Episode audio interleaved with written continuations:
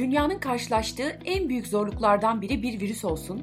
Bu virüs yüzünden ülkeler sınırlarını kapatsın, insanlar evlerine çekilsin, alışılmış yaşam şekilleri büyük bir değişime uğrasın. Hali hazırda yaşanmakta olan tüm ekonomik zorlukların üstüne bir o kadar daha eklensin. Siz de yıllarca mesleğine emek vermiş önemli bir bilim insanı olun. Bu virüsü yenmede oldukça etkili olacak aşının bulunmasında en büyük katkılardan birini verin, bir yıldan az bir sürede de aşıyı bulun. Ama günün sonunda dünyanın her yerindeki gazete ve televizyonlarda aşıyı bulan kişinin eşi olarak anılın ya da hiç adınız geçmesin. Ne yaparsınız? Distopya gibi başlayan, arada küçük bir umut veren, sonunda en distopik sonuna biten bir hikaye mi acaba? Hayır, bu sefer değil. Çünkü dünyanın her yerinden bu şekilde yapılmış olan haberlere ciddi bir tepki gösterildi ve o medya kurumları da eril haber dillerini değiştirmek zorunda kaldılar. Hikayenin sonunda ise bu bölümün kaydını aldığım gün BioNTech şirketinin kurucuları Özlem Türeci ve Uğur Şahin Financial Times tarafından 2020 yılında yılın insanı seçildiler. Hazırsanız dünya tarihinin en kötü yıllarından birinde o kötülüğün önüne geçmek için üst düzey bir çaba sarf ederek yılın insanı seçilen Özlem Türeci'yi tanıyalım. Özlem Türeci Türk kökenli göçmen bir ailenin kızı olarak 1967 yılında Almanya'da doğuyor. Çocukluğundan itibaren çok kültürlü bir ortamda büyüyor. Babasının bir Katolik hastanesinde cerrah olarak çalışması ve bu hastanedeki hasta bakıcı rahibelere hayranlık duyması sebebiyle çok küçük yaşlardayken ileride hangi mesleği yapmak istediğine karar veriyor.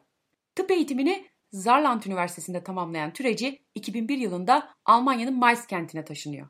Mainz Üniversitesi Hastanesi'nde modifiye edilmiş genetik kodlarla bağışıklık sistemini kansere karşı mücadele ettirmeyi hedefleyen çalışmalar yapmaya başlıyor. Çalışmalarını yaptığı fakültede meslektaşı Uğur Şahin ile tanışıyor ve kansere tedavi bulmak için güçlerini birleştiriyorlar. Birlikte Türkçedeki ganimet kelimesinden esinlenerek Ganimet adını verdikleri şirketi kuruyorlar. Kendisi gibi Türkiye'den Almanya'ya göç eden bir ailenin çocuğu olan meslektaşı Uğur Şahin ile 2002 yılında evleniyorlar.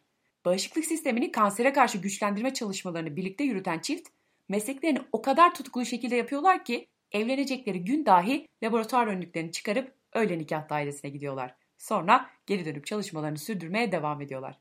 2006 yılında da bir kız çocukları oluyor. 2008 yılında ise yine eşi Uğur Şahin ile birlikte BioNTech adlı ikinci şirketlerini kuruyorlar. Almanya merkezli halka açık bir biyoteknoloji şirketi olan BioNTech çeşitli hastalıkların tedavisi için hastaya özgü yaklaşım ile aktif immünoterapiler üretmek için çalışıyor. Kansere karşı hassas antikor tedavilerine öncülük etmiş olan Ganimet şirketi 2016'da Japon ilaç şirketi Astellas'a satılıyor. 1.3 milyar euroluk bu satışın Alman biyoteknoloji sektöründe o güne kadar gerçekleşmiş en yüksek meblağlı satış olduğu söyleniyor.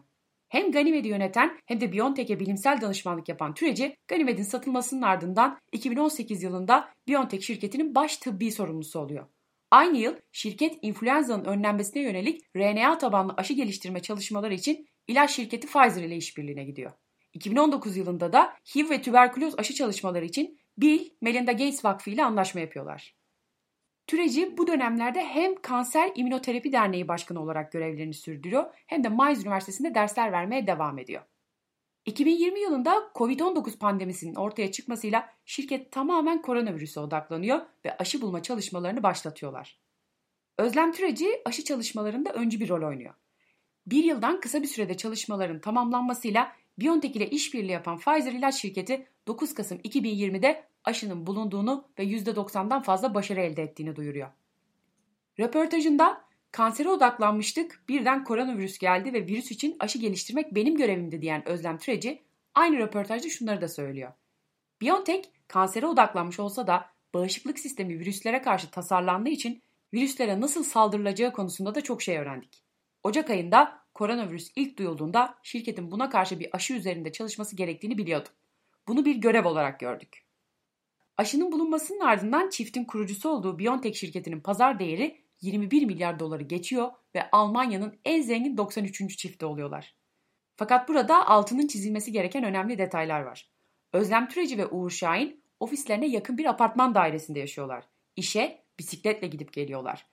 Çoğu insan içinde en zengin geçen bir cümle duyunca böyle dünyanın en şatafatlı hayatını gözlerinin önüne getiriyor. Oysa gördüğünüz gibi zenginlik o gözünüzün önüne gelen şatafatta değil. Tutkuyla yaptığınız bir işiniz varsa dünyanın en zengin insanı siz oluyorsunuz. Şimdi gelelim en başta bahsettiğimiz duruma. 2020 yılında birçok medya kurumunun hala eril bir dilin ezberinde haber yazması korkunç bir durum. Bazıları Özlem Türeci'den sadece koronavirüs aşısının mucidi Uğur Şahin'in eşi olarak bahsetti. Bazıları dünyanın uğuru diye dergi kapakları yaptılar. Önde gelen haber ajanslarından Reuters bile ilk haberinin görselinde sadece Uğur Şahin'in fotoğrafını kullanmayı tercih etti. Kadın mücadelesini sorgulayanlar var ya, ya ne yapıyorlar ki diyor bazıları. İşte tam olarak bunu yapıyoruz. Görmezden gelmenize izin vermiyoruz. Birilerinin eşi tanımından çok daha fazla olduğumuzu bir şekilde öğretiyoruz. Üstelik bunu 2020 yılında bile yapmaktan derin utanç duyuyoruz. Düşünün tarihte ne kadar çok böyle kadın var. Birçoğunun tarih kitaplarında adı bile yok. İngilizce'de tarih anlamına gelen history kelimesi bazı yerlerde her story olarak söylenir.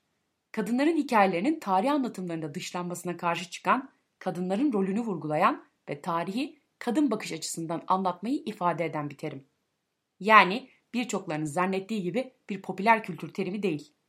Bunun en güncel kanıtı ise Özlem Türeci'nin hikayesi oldu. Umuyorum bu hikaye çok yakın zamanda daha da detaylı anlatılacak. Yüksek ihtimalle bir Nobel ile taçlanacak ve Özlem Türeci nice başarıya imza atmaya devam edecek. Görüldüğü üzere Özlem Türeci ve Uğur Şahin'in sevgi dolu, ortak yetenekleri ve tutkularının ilişkilerinin mayası olduğu bir evlilikleri var. Yaşamları boyunca nice başarıya imza atmalarını ve mutlu olmalarını dilerim.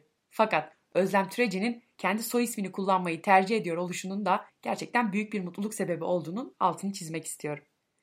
Bu kadar başarıdan bahsettiğimiz bir bölümün sonunda sizlere küçük bir duyurum da var. Podcast Rap çok yakında yayında olacak.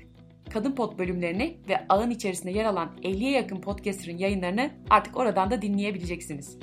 Özellikle podcast dünyasındaki ilklere en önce şahit olanlardan olmak isterseniz yakından takip etmenizi öneririm. Beni dinlediğiniz için çok teşekkür ederim. Bir sonraki bölümde görüşmek üzere.